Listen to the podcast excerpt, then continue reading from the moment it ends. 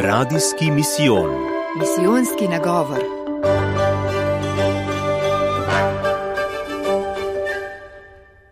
Dragi bratje in sestre, z današnjim dnem se zaključuje radijski misijon Cerkev Mlada. Vesel sem, da lahko kot snedaljni oče, kot udeleženec sinode z naslovom Mladi vira in razločevanje poklicanosti, z vami razmišljam o temi, bil sem izgubljen in se me našel. Na sinodi je bilo na vzočih tudi 35 mladih iz vsega sveta. Vsak od njih je imel 4 minute za svojo predstavitev. To, kar me je zelo presenetilo, je bilo, da so skoraj vsi govorili o poti svoje vere, kako so po Birmi, oziroma ko so vstopili v srednjo šolo, zapustili crkv in se predali svetu. Še posebej se me, me je dotaknila zgodba fanta, ki se je po Birmi z mišljenjem, da je sedaj vse upravil, oziroma vse dobil od crkve, predal užitkom tega sveta. Začel je ponaševati, se družiti z mladimi, ki so uživali mamila. Na začetku se mu je vse to zdelo čudovito, veliko veselja in sproščenosti. Odprl se mu je nov svet, ki ga do sedaj ni poznal. A minevalo so leta. Ta družščina se mu je zdela vedno bolj čudna, vedno bolj zaprta vase. Pa tudi sam se je vedno bolj čutil utrujenega, izčrpanega, brez volje do življenja. Po noči je bil buden, po dnevi pa je spal. Čisto se je izključil iz tega sveta, kot da živi v drugem, neosebnem svetu. Otujil se je od svoje družine. Vedno večji so bili konflikti. Otujil se je tudi od okolja, celo od ljudi, s katerimi so živeli skupaj v soseski. Prišel je dan, ko je vzel premočen odmerek mamil. K sreči ga je nekdo našel, ko je ležal ob cesti in poklisal rešilni avtomobil in ta ga je odpeljal v bolnico. Tam je nekaj dni ležal, da je prišel k sebi. Začel je razmišljati, tako več ne gre naprej. Čutil je, da je okoli njega sama tema. Kaj storiti? K sreči je po bolnici, ker je ležal, enkrat tedensko prišel duhovnik, da obišče bolnike. Ta duhovnik je vprašal bolnike, če želijo zakramente. Tudi pri njegovi posteli se je ustavil, ga prijazno pozdravil in vprašal, kako je. Pa mu je fant odgovoril: ena sama beda. Duhovnik se je usedel k njemu na posteljo in tam mu je začel razlagati svojo zgodbo. Fant je rekel duhovniku, da mu ni več pomoči. Vse je zavozil in padel tako nizko, da ga ni več moč dvigniti. Duhovnik je že pa vzel sveto pismo in ga vprašal, če mu lahko prebere eno priliko. Fant je prikimal in začel je brati iz Lukovega evangelija priliko o izgubljenem sinu. Fant je poslušal in na lice so mu pritekle solze. Duhovnik pa mu je dejal: Poglej, nihče ne pade tako nizko, da ne bi mogel več stati. Sam tega koraka človek ne zmore, zato pa nam Kristus prihaja naproti. Fant je duhovnika poslušal in tam mu je pustil sveto pismo. Rekel mu je: Beri ga in boš videl, da se ti bo začelo nebo jasniti. Fant je po nekaj dneh zapustil bolnišnico. Doma je redno bral sveto pismo, še več, odločil se je, da bo obiskal tistega duhovnika, ki mu je tako prijazno prisluhnil. Začela so se srečanja teden za tednom. Duhovnik je fanta poslušal in tam je razodel svojo ranjenost in svojo bolečino. Nekega dne je fant dejal duhovniku: Ali lahko pristopim k zakramentu svete spovedi? Duhovnik mu je odgovoril: Jezus te že dolgo čaka, še več, od trenutka, ko sem te srečal v bolnišnici, je Jezus že na poti k tebi. Spoved bo zate nov začetek, kaj ti začutil boš, da si od nekoga ljubljen, da je nekdo, ki ti želi dobro, ki želi, da živiš, da ne životariš, In začutil boš, da si sin. In ne boš se več bal ljudi okoli tebe, kaj ti ti ljudje okoli tebe so tvoje bratje in tvoje sestre. Res, spoved je bila za en nov začetek. Še več, spoznal je, da ga Kristus, vera in crkva ne utesnjujejo v njegovi svobodi in da je njegovo mesto prav tu. Danes je ta fant poročen in je odgovoren za pastoralo mladih, kajti svojo potjo želi tudi drugim pomagati, da se ne bi izgubili, ampak dan za dnem živeli svoje življenje bolj polno in bolj srečno.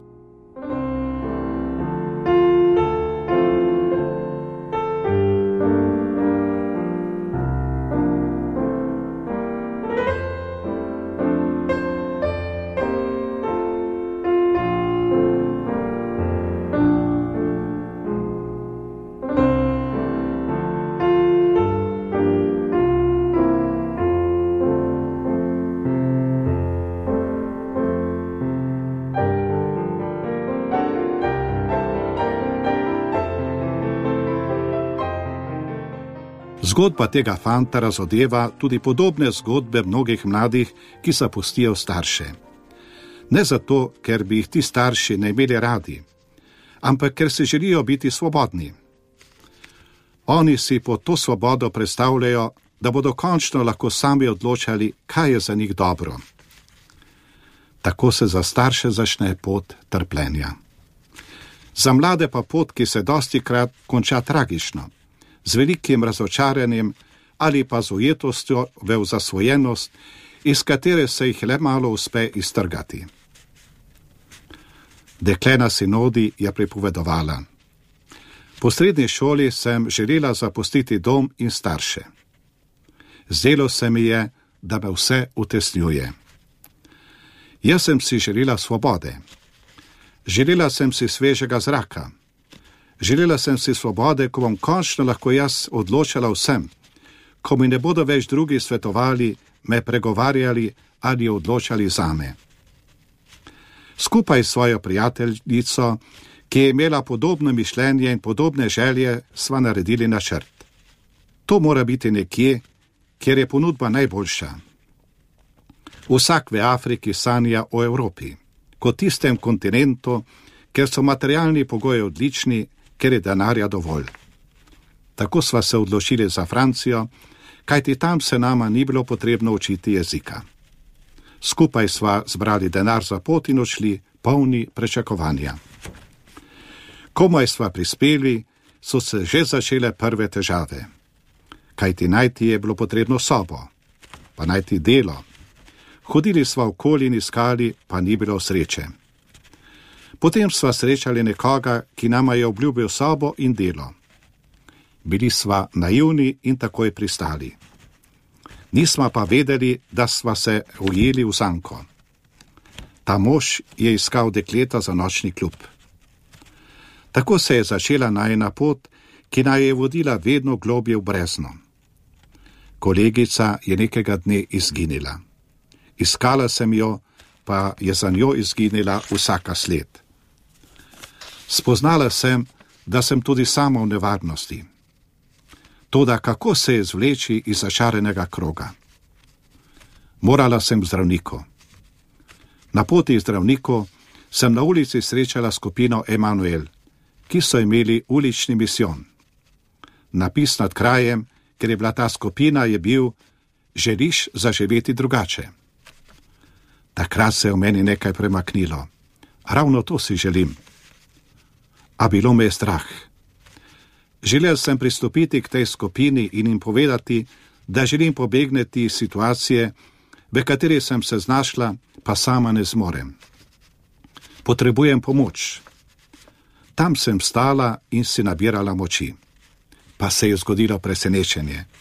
Dekle iz skupine Emanuel je opazilo, da je z menoj nekaj narobe, da se v meni nekaj dogaja. Pristopila je k meni, ti lahko pomagam kako sem si želela slišati prav te besede. Začela sem jokati. To je bil jok bolečine in jok veselja, da sem našla nekoga, ki mi lahko pomaga iz tega ujetništva. Razložila sem temu dekletu, kakšna je moja situacija. Takoj je razumela. Odpeljala me v njihovo skupnost na varno. Tam sem preživela leto dni. Ob njih sem zopet našla pot k Bogu. Odkrila sem Božjo besedo, odkrila sem sveto mašo. Kako sem vse to potrebovala? Začela sem doživljati, da me nekdo ljubi, da mi nekdo želi dobro. Vedno bolj sem sebi postajala srečna in mirna. Vem, da sama tega koraka iz tega bednega življenja ne bi mogla narediti, če ne bi Gospod sam naredil korak meni po teh mladih iz skupnosti Emanuel. Zopet sem našla stik starši, ki so mi povedali, da so hišna vrata zame vedno odprta. Tako sem po letu dni se vrnila domov. Bila sem zelo lepo sprijeta. Danes imam svojo družino, imam že otroka in upam, da mi jih Bog pošlje še več. Aktivna sem v naši župniji. Župnik nama je z možem zaupal, da vodiva mladinsko skupino. Ena stvar se mi zdi pomembna: spomin na vse, kar je nekdo v mladosti prijel. Fant, o katerem sem prej govoril, in tudi dekle sta imela pozitiven spomin na to, kar jima je bilo podarjeno v mladosti. In to je bila dobrota, ljubezen, toplina doma. Starši in tudi mi v cerkvi dosti krat delamo napako kot tem, ki so odšli učitamo. Toliko smo vložili te mlade, pa so na vse pozabili. Ko bodo mladi v stiski, ko se bodo čutili na dnu, takrat je pomembno, da se bodo spomnili, da jih je nekdo imel iskreno rad in da se lahko vrnejo in da bodo sprijeti. Človeku je najtežje, ko se znajde na dnu, pa nima v sebi oziroma ob sebi nobenega, v sebi nobenega pozitivnega izkustva, da je ljubljen, pa tudi nobenega, ki ga pričakuje. Zelo pomembno je, da pri naši katehezi že otrokom in mladim Boga približamo kot tistega, ki nas je poklical življenje, kot tistega, ki je v nas položil neštete darove in sposobnosti, ki nam je zaupal poslanstvo, ki ga samo jaz lahko izpolnim. To je poslanstvo, da nad ljubezen, ki sem jo bil deležen, odgovorim z ljubeznijo. In da predstavimo mladim tudi, da je ta Bog živi Bog, da je ta Bog ljubezen. In tudi, če pademo v greh, ob iskrenem skesanju in želji po spremenjenju, nas ne bo nikoli zavrnil, ne bo nam učitev, ne bo nas nadrl, ampak nas bo objel kot oče objame otroka v izgubljenem sinu.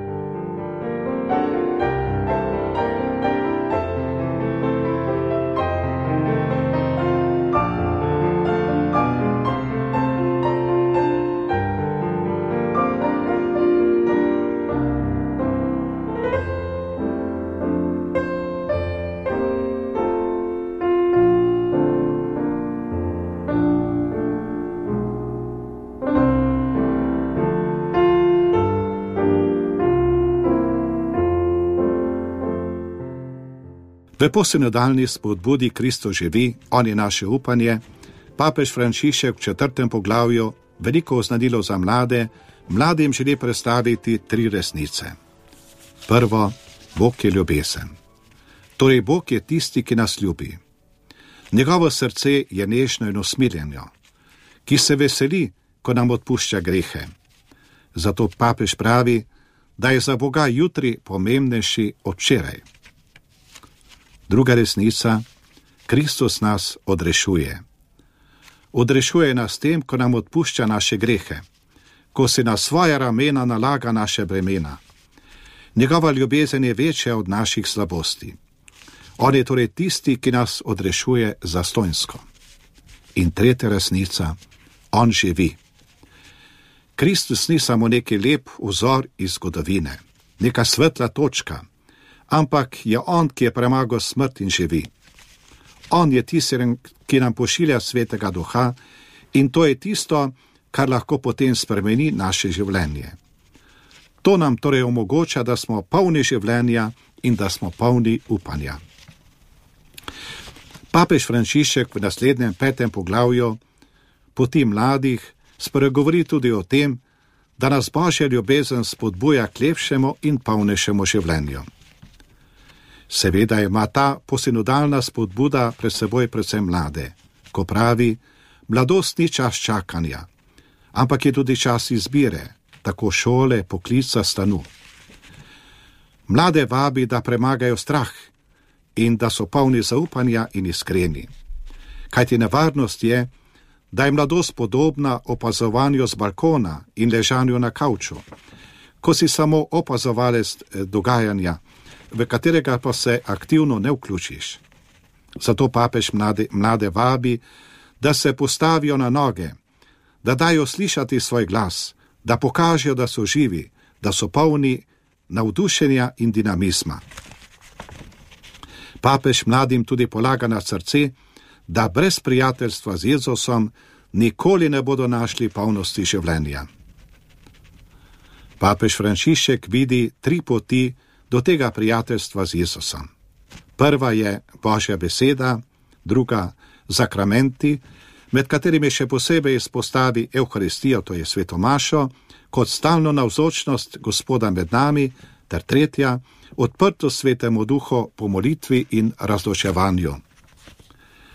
Božja beseda, svetopismo, bi lahko bila povzeta v en stavek, ki ga je zapisal evangelist Janez v tretjem poglavju 16. vrstica.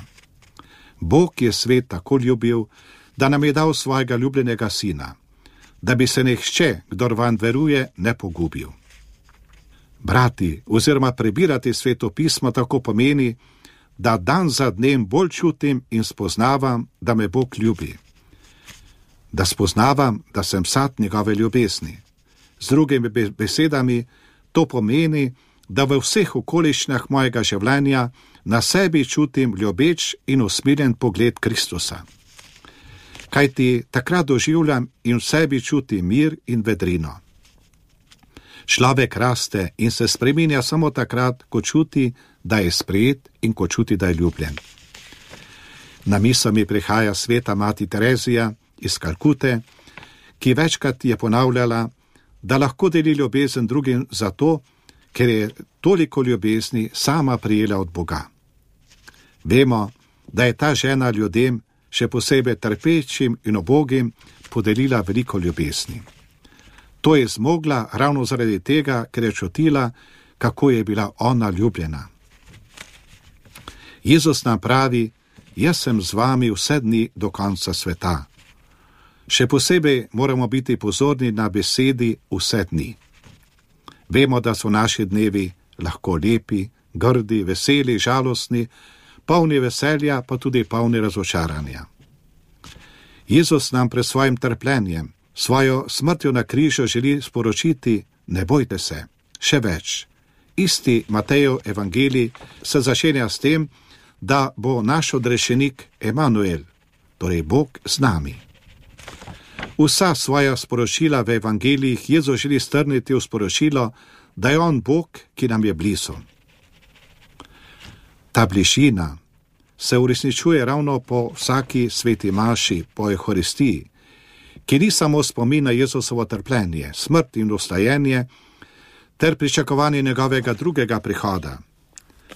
Pri vsaki sveti maši se vračamo v dvorano zadnje večerje, kjer smo skupaj z ob Jezusom zbrani, ki nam vedno znova ponavlja besede: To je moje telo, to je moja kri.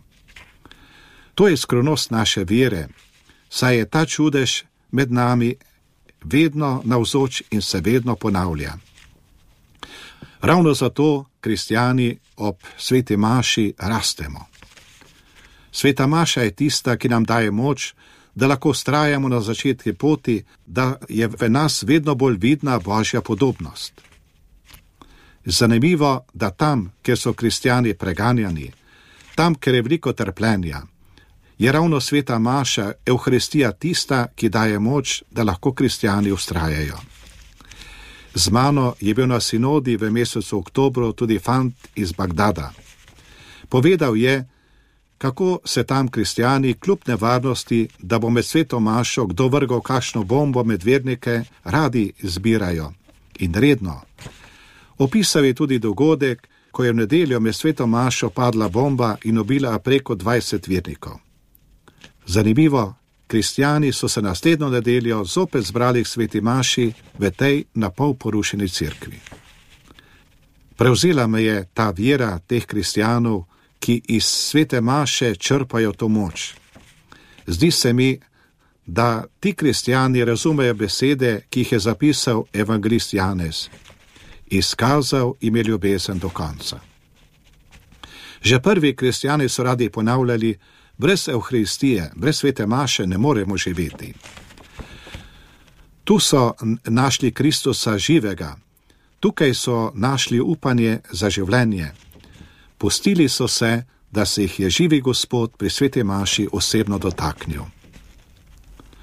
O tem, kako pomembno je pustiti se dotakniti Gospodu, nam govori papež v zadnji apostolski spodbudi, ko pravi, da vsega, česar se on, ostali Gospod, dotakne, vse postane mlado, novo in polno življenja. Samo tako smo lahko kristijani, priševalci lepoti, odpuščanja, služenja, čistosti, zvestobe, molitve, zauzemanja za pravičnost, za skupno dobro, za ljubezen do obogih, za socialno pravičnost. Papež pravi, crkev ne sme biti usmerjena samo vase, ampak mora biti vedno zazrta v Kristusa. Kaj ti to crkvi pomaga, da raste v ponižnosti, da lahko tudi priznava svojo krhkost in svoje grehe te napake. Vse to kliče po crkvi, ki je pripravljena poslušati, po crkvi, ki je dialoška. Mladi si želijo od crkve, da, da ni tiha in boječa, tudi da ni napadalna, ampak da je crkv, ki je v službi resnice. Če želi biti verodostojna v očeh mladih, je potrebna ponižnost, sposobnost poslušanja in sposobnost spremljanja.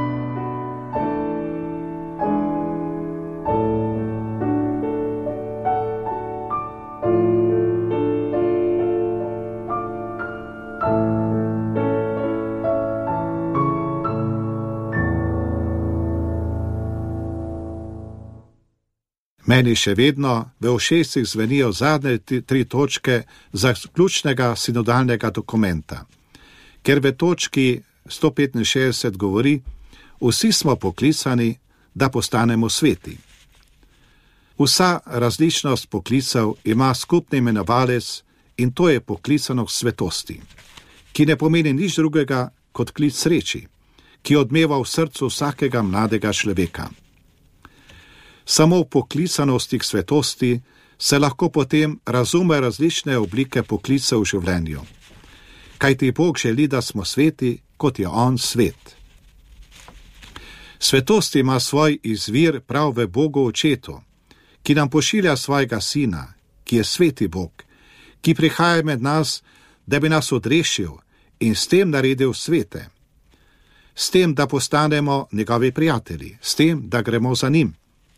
To pa je pot, da v srcu začutimo mir in srečo. Najti torej pot Kristusu je za vse nas vabilo, da stopimo na pot prenove in novega začetka. Naslednja točka 166 govori o tem, kako potrebno je prebuditi svet za svetost. Mi moramo biti sveti, če želimo mlade vabiti, da postanejo sveti tudi oni. Mladi so na sinodi vabili crkv, da postane pristna, taka, ki nagovarja, da postane bolj vesela, to pa je samo crkv svetnikov. Mnogi mladi so zapustili crkv, ker v cerkvi niso našli svetosti, ampak so našli razdeljenost in preveč upleteno v svet, ta svet, skrbi tega sveta, torej premalo duhovno in izpraznjeno. Danes se crkva srečuje z madeži spolnih obtožb in drugih finančnih in moralnih problemov. Ravno zaradi tega mora crkva danes narediti takojšnji radikalni korak v svoji usmeritvi. Mladi se želijo srečati s svetniki, svetniki, ki, ki rodijo nove svetnike in pokazati, da je svetost edini pravi obraz crkve. Kaj ti obstaja samo en jezik, ki ga vsi ljudje, tako starejši kot mladi, tako v preteklosti kot danes razumejo, to pa je svetost. Kaj ti ta jezik svetosti je resničen in je nepopačen.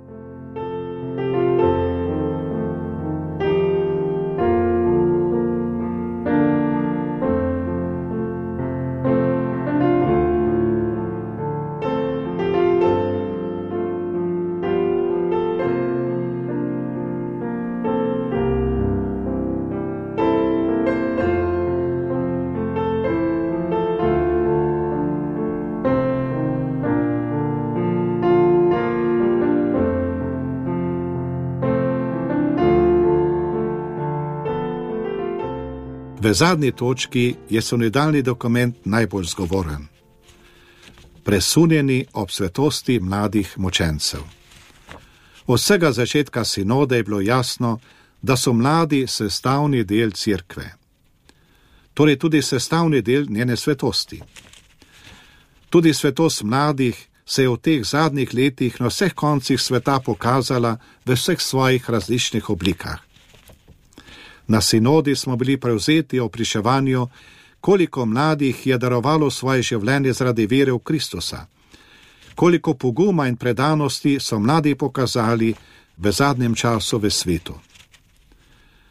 Rad bi z vami podelil eno eh, priševanje iz Indije. Fant, srednjošolec, je že sedel v šolskem avtobusu. K njemu so pristopili štirje fantje in so mu rekli: Ti si kristjan. Odgovoril je: Sem. Če želiš ostati živ, se boš moral temu odreči. Zašili so ga prepričevati. Na postaji, ko je stopil, so ga zgrabili in ga odpeljali na samoten kraj. Tam so ga tepli in mučili. Vse to so delali s ciljem, da bi ga prepričali, da bo zapustil vero. Toda fant je ostal trden. Na koncu so fanta vrgli v jamo, to jamo zasuli tako, da je iz nje gledala še samo glava. Sledilo je še zadnje vprašanje: Se odpoveš temu, da si kristjan? Fant je odgovoril: Ne. Vzeli so kamne in ga potavkli. Tako je umrl v mukah in trpljenju, a ostal je trden v veri do konca. To je nekaj, kar se dotakne našega srca. Kaj ti te zgodbe, ta pričevanja niso iz preteklosti, niso včeraj, ampak se dogajajo danes sredi med nami. To se je zgodilo med sinodo in to zgodbo je pripovedal njegov škof, ki je bil z nami na vzoč na sinodi. In to pričevanje se nas je globoko dotaknilo. Ob tej svetosti mladih vidimo, da se crkva ravno ob njih lahko prenavlja tako duhovno kot tudi apostolsko. Ta svetost mladih je kot balzam, ki lahko danes zdravi rane crkve in sveta. Kaj ti vse to govori o tisti pravi in iskreni ljubezni, kateri smo vsi poklicani. Kaj ti ti mladi močenci nas vabijo, da obnovimo tisto prvotno ljubezen do Boga, ki še ni ranjena in ni popačena. V evharistični molitvi za spravo molimo dobri oče, vsega začetka delaš, kar je dobro za nas, da bi vsi postali sveti, kakor si ti svet. Bili smo izgubljeni in se te nismo mogli bližati, ti pa si nas neskončno ljubil. Papež Frančišek pravi, da moramo dobro razumeti, da svetost ni nekaj, kar je sad našega prizadevanja, kar mi dosežemo z našimi lastnimi močmi ampak je svetost dar. Dar, ki nam ga podarja Jezus Kristus, ko nas vzame s seboj, ko nas preobleče v samega sebe, ko nas naredi takšne, kakršen je on sam. Zato je svetost najlepše obliče cerkve. Svetost pomeni ponovno se znajti v občestvu z Bogom, pomeni okušati polnost njegovega življenja in njegove ljubezni. Svetost torej ni posebna pravica nekaterih, ampak je dar, ki je podarjen vsem. Nihče tukaj ni izuzet, zato predstavlja prepoznavno značilnost vsakega kristjana. Ko živimo svoje poslanstvo z ljubeznijo in odgovornostjo, vsak v svojem stanu in poklicu, v katerega nas je Božja previdnost postavila, lahko rastemo v svetosti. Bogu posvečene osebe rastemo v svetosti tako, da živimo z veseljem svojo podaritev Bogu. Poročeni tako, da ljubijo drug drugega in se darujejo drug za drugega. Starši tako, da otroke spremijo kot božji dar in jih vzgajajo, da bi ti otroci našli pot k Bogu. Stari starši tako, da svojo vero in svoje izkušnje in modrost prenašajo na otroke in mlade. Vsak od nas je torej poklican, da postane vidno znamenje božje navzočnosti med nami, vidno znamenje njegove ljubezni in to doma, na delovnem mestu, na ulici, v cerkvi.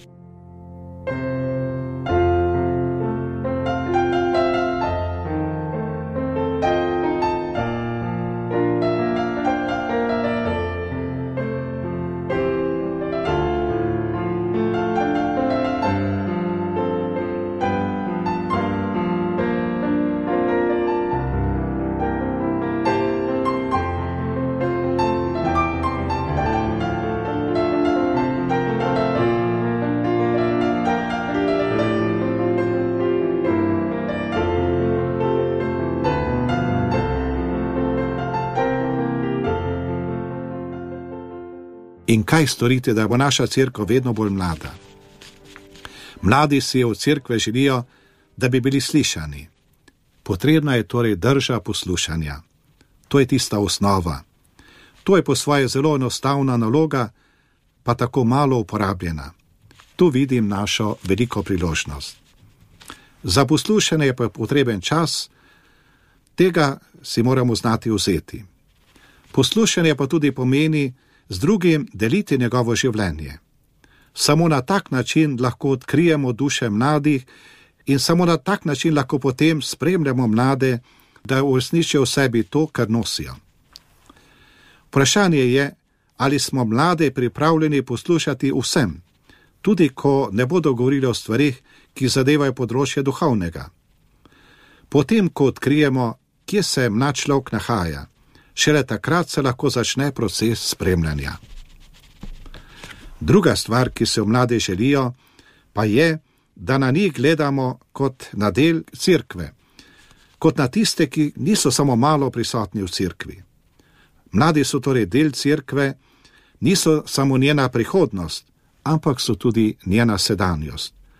Potrebno se je torej skupaj z njimi podati na pot. Skupaj z njimi je torej potrebno načrtovati.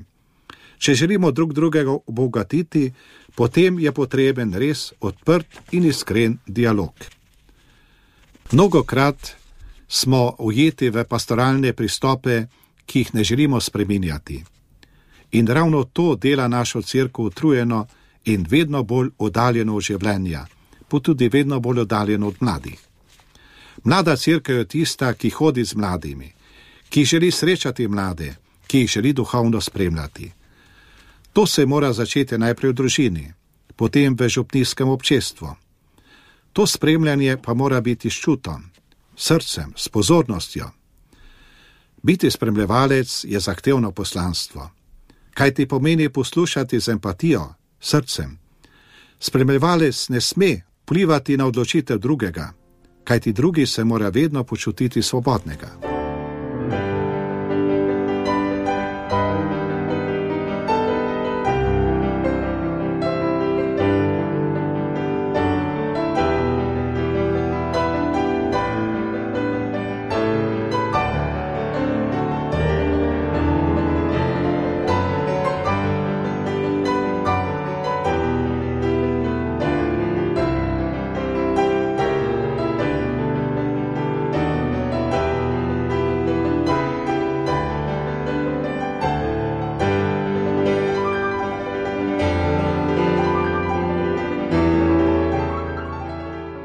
Cerkev potrebuje nov zakon, kot pravi sinoda. Potrebuje nove binkošti, to pomeni prerojenje v svetem duhu. Potrebuje več življenja, več veselja, pa tudi več zagnanosti. V končnem besedilu sinode v točki 115 je rečeno, da je mlada crkva tista, ki se navdihuje ob dogodku na poti v Emaus in ob Mariji Magdaleni. To je pot, ki je osvetljena z velikonočno skrivnostjo. Ampak ta velikonočna skrivnost je tudi klic k poslanstvu. Ustali Gospod prihaja v temo našega srca, kot je prišel naproti Mariji Magdaleni. In potem, ko Marija Magdalena sreča ostalega Gospoda, takoj teče k Petru in drugemu učencu, da sporoči veselo novico. Obzori prvega dne pride torej do velikega srečanja. Marija je iskala Gospoda, ker ga je resnično ljubila.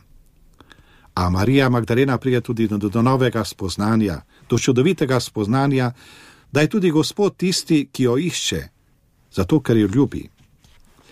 Ostali Gospod se ji razodene kot zmagovalec nad smrtjo, kot prinašalec življenja, a ne sme se ga dotakniti, kajti telo ostalega Gospoda ne pripada samo nekomu, temveč je dar vsem nam.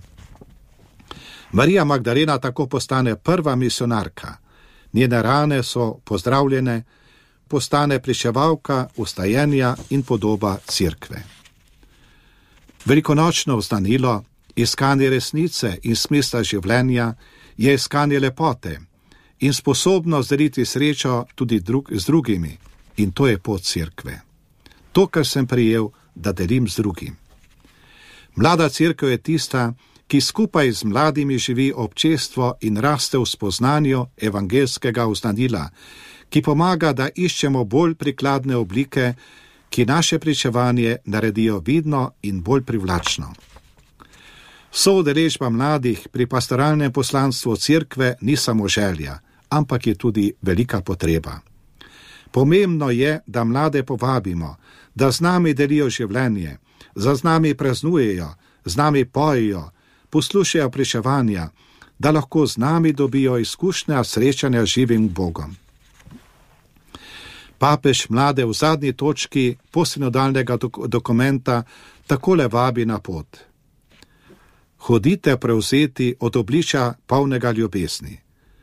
To obličje srečujemo in častimo v sveti Euharistiji in ga prepoznavamo v trpečem telesu našega brata in sestre.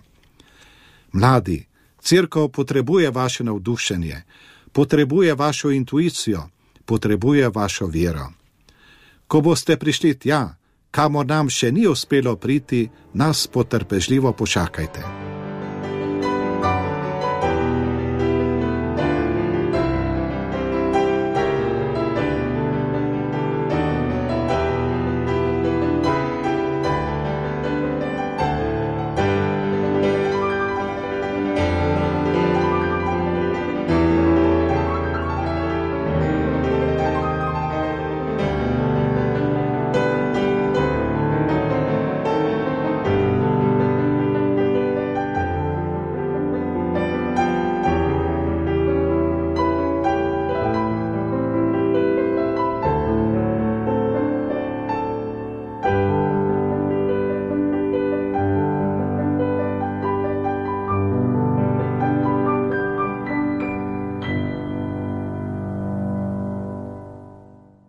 V posinodalni spodbudi papež Frančišek razvija misel: On živi in želi, da živiš tudi ti. Moje premišljevanje je imelo namen, da bi spoznali, da se lahko vračamo nazaj k Bogu za, samo zato, ker nas On čaka in išče.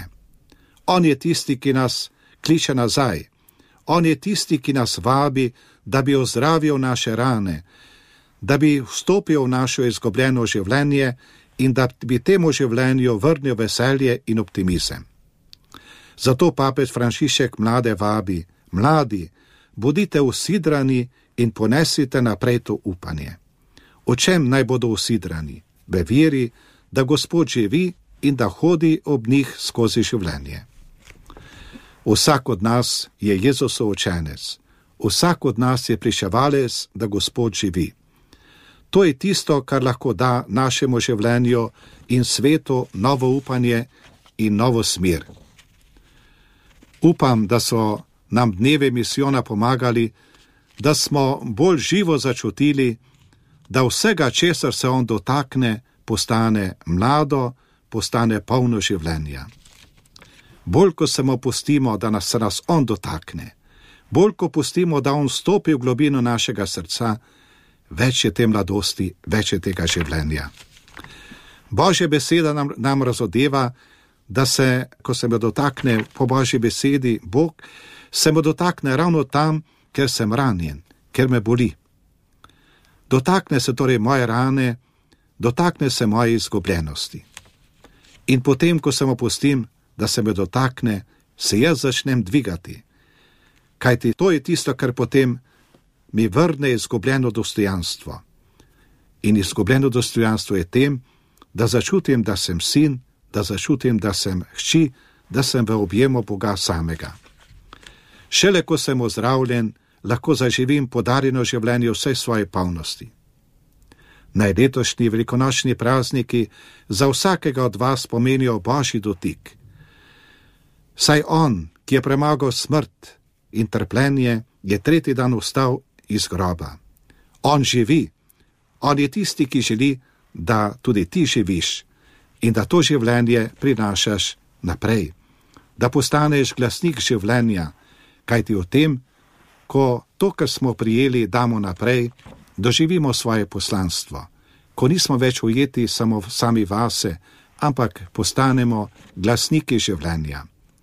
Zato še enkrat ponavljam misel papeža Frančiška, on živi, on je tisti, ki želi, da živiš tudi ti. Amen. Radijski misijon.